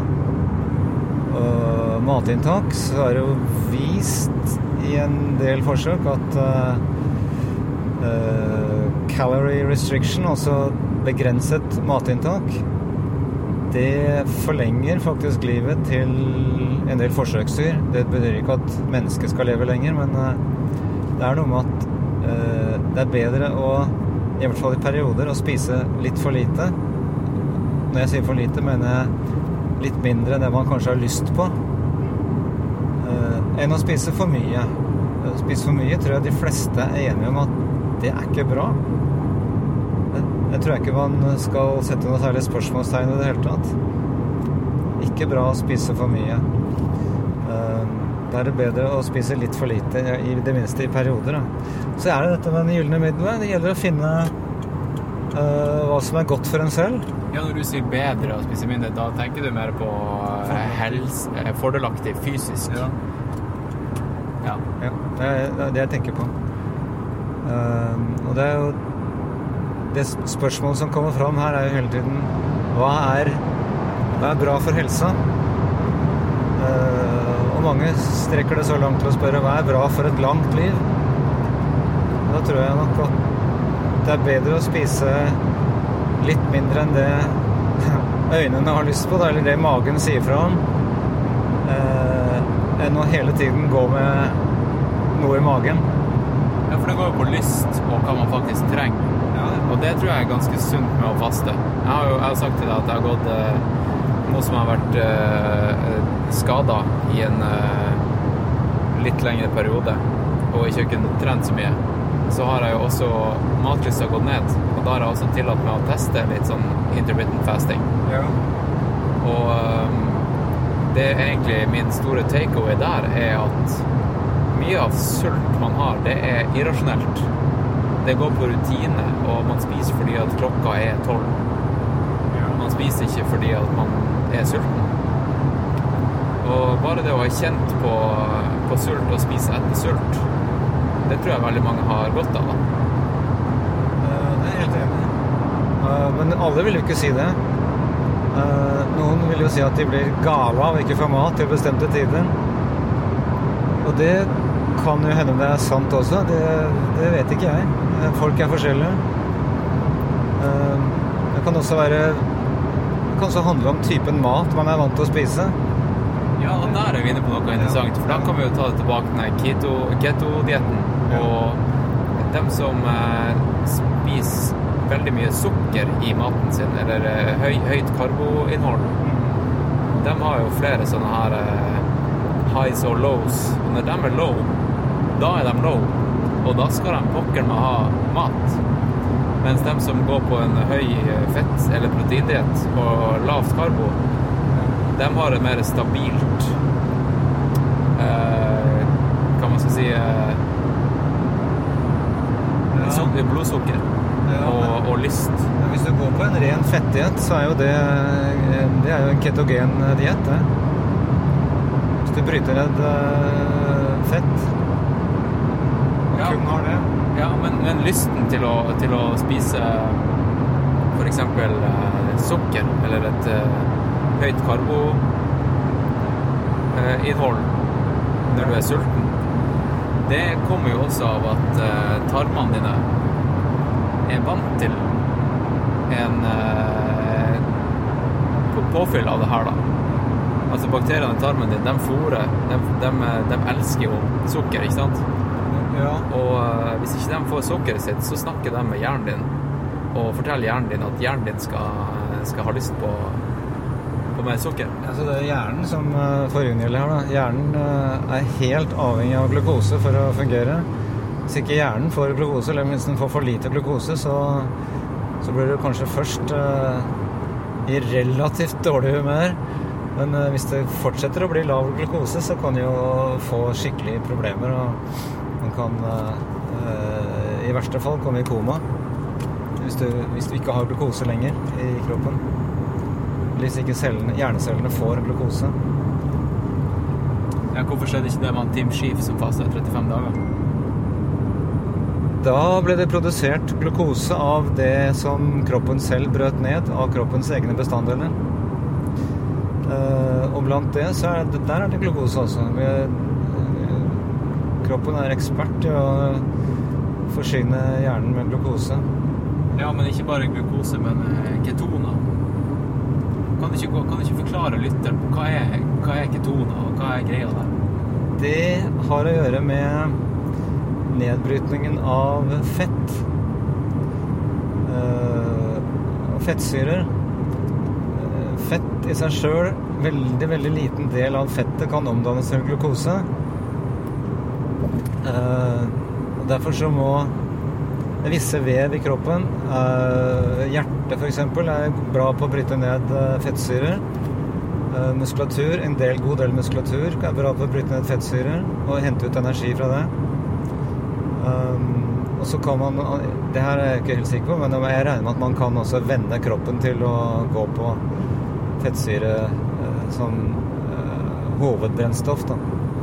Men så vidt jeg vet, så kan du ikke lære hjernen å fungere med fettsyrer som brennstoff. Eh, og når du bryter ned eh, fett, så vil du få ketonlegemer som er små molekyler som man kan måle i urinen osv. Som tyder på at du, har, du bryter ned fett, altså. Det er en ketogen eh, diett. Du lager ket ketonlegemer, da, kan du si. Og da har jo mange rapportert om at eh, det stinker av, av deg når du går over på en eh, ketogen diett. Ja, det er veldig no, Noe av det er en grei forklaring, fordi eh, et av de ketonmolekylene er aceton. Eh, og det lukter jo. har en karakteristisk lukt. Eh, så det ville lukte av folk som eh, går på en ren eh, fettnedbrytning, på en ren fettdiett, si.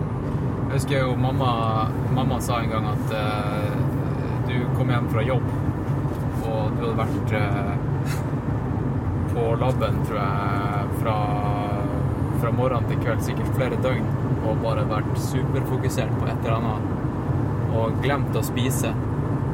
Og kommet hjem og hadde en helt for jævlig ånde, og det stinka aceton av deg.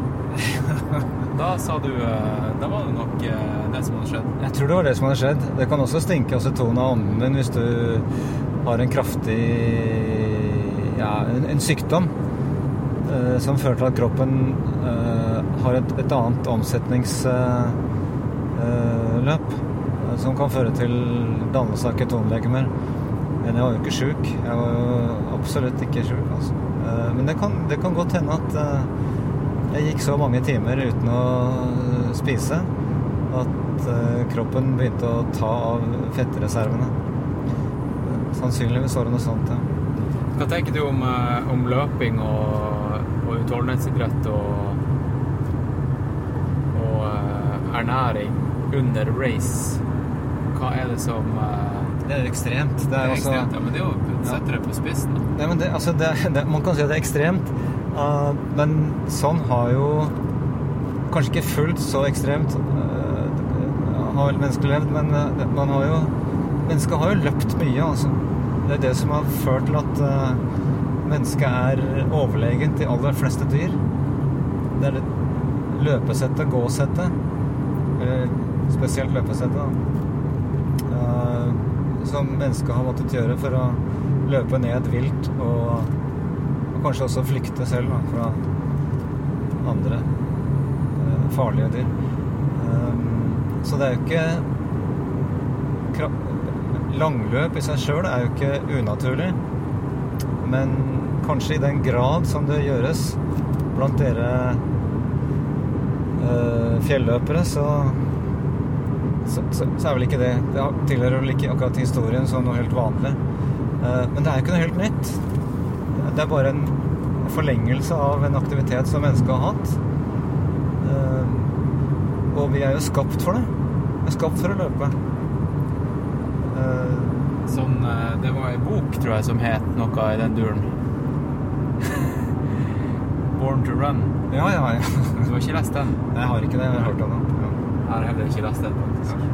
Men en av, en av de, de mine favoritt-YouTube-klipp, det er Jeg vet ikke om du har sett det, men det er av eh, Jeg tror det er en sånn her eh, typisk BBC David Attenborough-dokumentar. Og det er av eh, De følger én kis som skal bruke den gode, gamle jaktemetoden som er å løpe en bison til døde, eller et eller annet dyr. Og det her er på den afrikanske savannen. Og det eneste han har med seg, det er en dunk med vann. Og han springer i syv-åtte timer i, i, i varmen. Eh, og, eh, og rett og slett springer ned det her dyret som eh, blir helt utpeisa. ja, jeg er klar over den historien der. Uh, og den, den scenen der, for han har med seg et spyd. Og det, den, det dyret Til slutt så ligger det bare på bakken. Og det siste han gjør, er rett og slett bare å stikke det her spydet inn i hjertet til, eh, til dyret. Og da var det gjort. Mer som en symbolsk handling. Og da har han her Han har sprunget hele dagen i ørken bare til, de- til disse vann. Og nå skal han dra det her kadaveret hjem til familien. Og så skal de spise kjøtt og innvoller.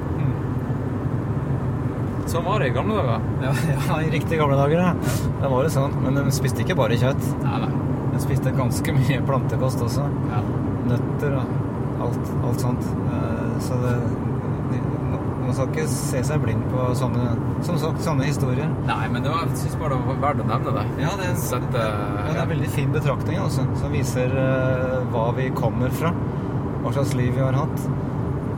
Um, uh, så min følelse av hva dette her langløpet betyr for folk, eh, sånn rent fysisk Jeg tror ikke det er Altså, så lenge man trener og vet hva man driver med, og kjenner kroppen sin, så tror jeg ikke det er farlig i det hele tatt. Eh, Det er ikke, det er ikke negativt, liksom. Det, det, det motsatte er jo veldig negativt. At man setter seg ned og hiver i seg søppelmat og blir sittende stille hele livet. Det er sant. Det det, det er dødsfarlig, og godt. Ja. Men hva tenker du om eh, de her eh, gelsene som blir uh, trykka ned i, eh, i kjeften vår under race? Altså, Jeg vet ikke, altså. Jeg forstår det rent Jeg forstår det rent fysiologisk, altså at de, de regulerer eh, inntaket av eh, næring mens man løper, og kanskje væske også, men eh, det der er vi jo ikke det, er, det er en nyskapning, på en måte en kjemisk nyskapning, som eh, jeg ikke tror at mennesker har brukt før. altså. ja, det her med liksom eh, ekstremt mye kalorier inni en liten sukkergelé som du eh, spiser to ganger i timen. Altså, hva er det som skjer med kroppen da? Ja, det, hva som skjer Jeg, jeg kan ikke tenke meg at det er bra, egentlig. Det er derfor jeg, jeg, jeg, jeg, har De sier jo skal du, skal du bli god til å Ja, OK. En av, en av Det er en såpass stor faktor i et ultrarace, det er å kunne tåle å ta til seg næring under, under racet. Så hvis du fucker opp uh, ernæringa under et race, så kan du ikke prestere. Derfor må du ha øvd på det du skal bruke i et race av ernæring. Det må du ha øvd på i trening, ikke sant? Ja, det skjønner jeg. Men jeg syns ikke det er så fett å drive og bruke gels i trening, rett og slett fordi det føles skikkelig usunt. Det er jo det er jo lørdagsgodt, bare ekstremt konsentrert inn i små pakker. Ja, det er rart å tenke på at dere som eh, driver med den aktiviteten De aller, aller fleste av dere er jo også veldig bevisst på at ting skal være naturlig og det skal være helseriktig. Mm, og hva er det dere driver med under løp? Dere spiser sjokolader, og dere eh, dytter i dere Potetgull. ja, for eksempel at noen gjør det òg. og da, akkurat under løpet, så virker det som da gjelder ikke de reglene lenger. Da, da har man lov til alt, eh, selvfølgelig bortsett fra doping, da, men eh, da har man lov til å bryte disse her eh, helsereglene som de fleste prøver å etterleve ellers. Det, det, det syns jeg er litt rart. Ja, det er litt rart, men eh, skal man prestere, så må man jo ta, ta til seg det man eh, det man kan for å få en edge. Selvfølgelig, og dessuten så veit du at alle de andre gjør det, så du er nødt til å følge opp sjøl, så kan du la være å løpe. Iallfall i konkurranse. Ja, ikke sant? Ja, nei, det Det der er litt sjukt, altså. Jeg tror det Jeg tror nok det er mange ultraløpere og folk som driver med tårnhetsidrett, som elsker racedagen og dagene rundt racet, for da er det unntakstilstand. Da kan de eh, spise hva de vil og, og binge. Helt horribelt. Det er nok eh, ikke så sunt heller. Mentalt, tenker jeg da. Det er i hvert fall mange som når de slutter med toppidrett, at de eh, sliter skikkelig med, med porsjoner. Altså porsjonering av uh, Kaloriinntaket. kaloriinntaket. Fordi at uh, du, har, du har ødelagt hele, hele rutinen. Ja, men Ja, det, det vil jo mange ha gjort, da. Men uh, det, ja, Du har jo vist at det går an å med viljestyrke regulere næringsinntaket slik at du ikke sveller opp i det øyeblikket du legger opp, liksom. Eh, jeg Nei, men jeg hadde jo Jeg la jo opp eh, på Jeg gikk, jeg var jo skøyteløper før, for dem som ikke jeg vet Ja. Mm. Og eh, jeg, la, jeg la jo opp, og jeg gikk jo opp. Jeg ble jo Jeg ble ikke tjukk, men jeg ble jo mye større enn det jeg var da jeg var skøyteløper. Ja, men det er ingen som Det var noe du selv merka, tror jeg. Tror Ja, ja, ja, men, ja, men selvfølgelig, man, man merker det jo på, på vekta og i speilet. Småting. Ja. Sant? Mm. Og, um, men men det, er jo, det er jo den klassiske, at du, aktiviteten går ned, og du fortsetter å ha samme inntaket. Mm. Da skjer det jo. Og i tillegg så tilførte man eh, alkohol til eh, kostholdet.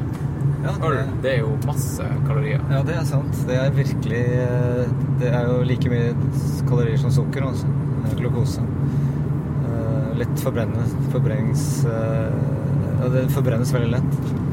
Eh, Ja, hvorfor brukes ikke alkohol i et race? Det er jo faktisk noen som drikker øl under et ultrarace. Ikke, ikke de terrengultraløpene, at de krever jo faktisk at du mentalt tenker over hvert eneste steg, at du er skjerpa. Men det er jo noen asfaltløp der folk eh, drikker Jeg tror, jeg tror var det var Camille Heron som uh, vant Comrades, et sånn her eh, Jeg tror det er 90 eller 95 km langt løp i Sør-Afrika. Uh, hun vant det i fjor, og hun drakk øl. Ja, det er snakk om to halvlitere i løpet av racet. Og hun digger det. ja, jeg tror ikke Altså, så lang, over så lang tidsrom så vil vel ikke alkoholen få noen, noen som helst betydning. Jeg tenker på eh,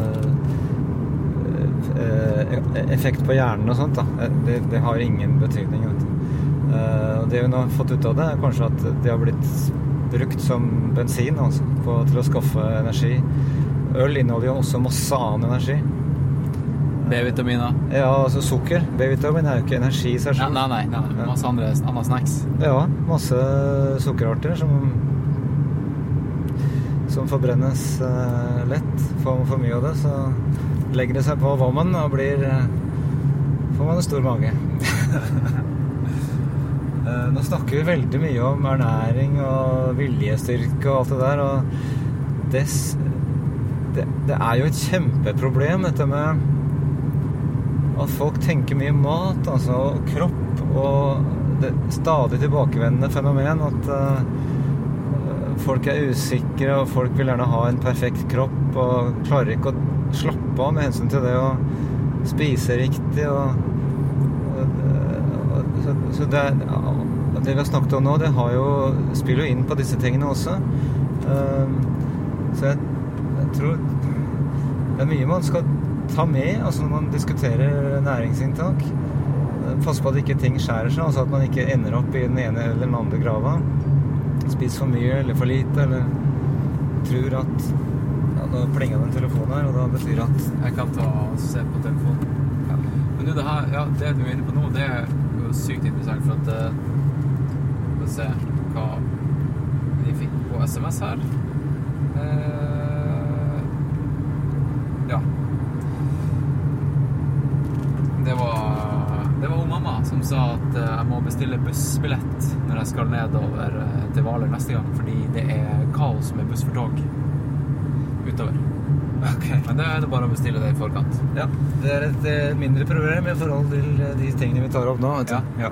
Men det her eh, det skal jeg ta opp med hun Kaja Melsom, som er forfatter av Kjempeide. Den boka som heter 'Den fordømte friheten'. Ja, for hun for kommer på podkasten om ikke lenge. Og eh, jeg tror det rett og slett handler om det at vi har tilgang på så sykt mye Mm. at eh, vi, vi blir Vi vet ikke hva vi skal gjøre. Og det er derfor veldig mange Jeg har en teori, da. er om at uh, mange søker militæret. Og sånne her uh, restrict, restricta camps der folk har tatt avgjørelsen for deg. Der du ikke trenger å tenke på de her tingene. Du trenger ikke gå i butikken og bestemme hvordan av de 18 sjampoene som du skal kjøpe, eller hvordan knekkebrød du skal velge, hva er sunnest. Eller skal jeg kjøpe potetgull i dag, eller skal jeg ikke kjøpe det? Ikke sant? Jeg tror folk blir svett av hvor mye muligheter vi har. Og der tror jeg, jeg tror ikke kosthold eh, er annerledes der. Ja, vi har jo vi kan si vi har mange muligheter, men eh, vi har ingen, ingen gode rådgivere. Det, det svømmer over av informasjon der ute. Eh, og vi vet ikke hvem vi skal stole på. Og vi tar Ja, du skal i hvert fall stole på noe alvor. Ja, sant nok. Uh, men det er jo ikke sant? Det er jo noe av det største problemet, altså. At uh, det er altfor mye informasjon, og vi, vi klarer ikke å håndtere det. Og vi, vi skjønner ikke hvem som vil oss godt, og hvem som vil oss vondt. Altså, vil, ingen som vil oss vondt, egentlig, men er det alvor.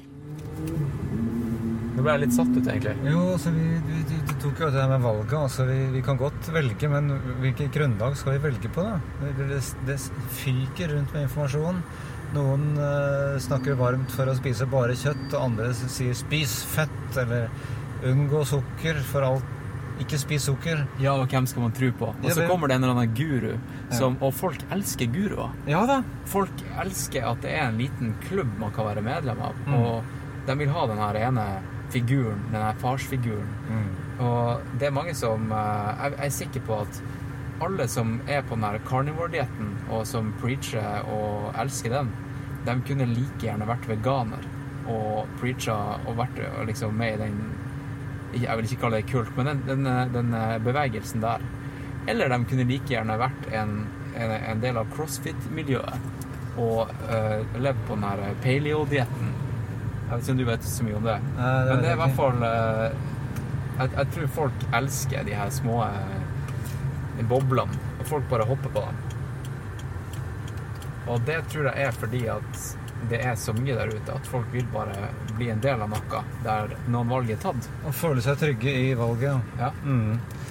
Eh, det blir, og da er, står man igjen med én ting, og det er å kanskje tenke litt religiøst. Og tenke på at nå har jeg tatt valget, nå er det blitt sånn, og nå blir det sånn. Ja, og nå Eh, kan man dette ikke slutte. jeg. Dette Ja. tror jeg på.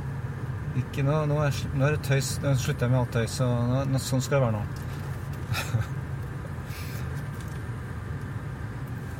Det nå må jeg tenke meg litt om her for å kjøre riktig. Ja. Bare du kan jo eventuelt avslutte. Altså. Ja, jeg kan, jeg kan bare si at eh, nå kjører vi inn på Ja, du tar bare opp, opp til høyre der. Nei, rett fram. Ja, det kan jeg gjøre. Ja. Da ble det rødt. Vi får vente på at de turistene som har leid seg bysykkel, får eh, gå over gata. Er det taxi som står der? Det vet jeg ikke. Men jeg skal ta og stoppe recordinga. Skal jeg eh, hoppe inn på Østbanalen og kjøpe en kaffe? Og eh,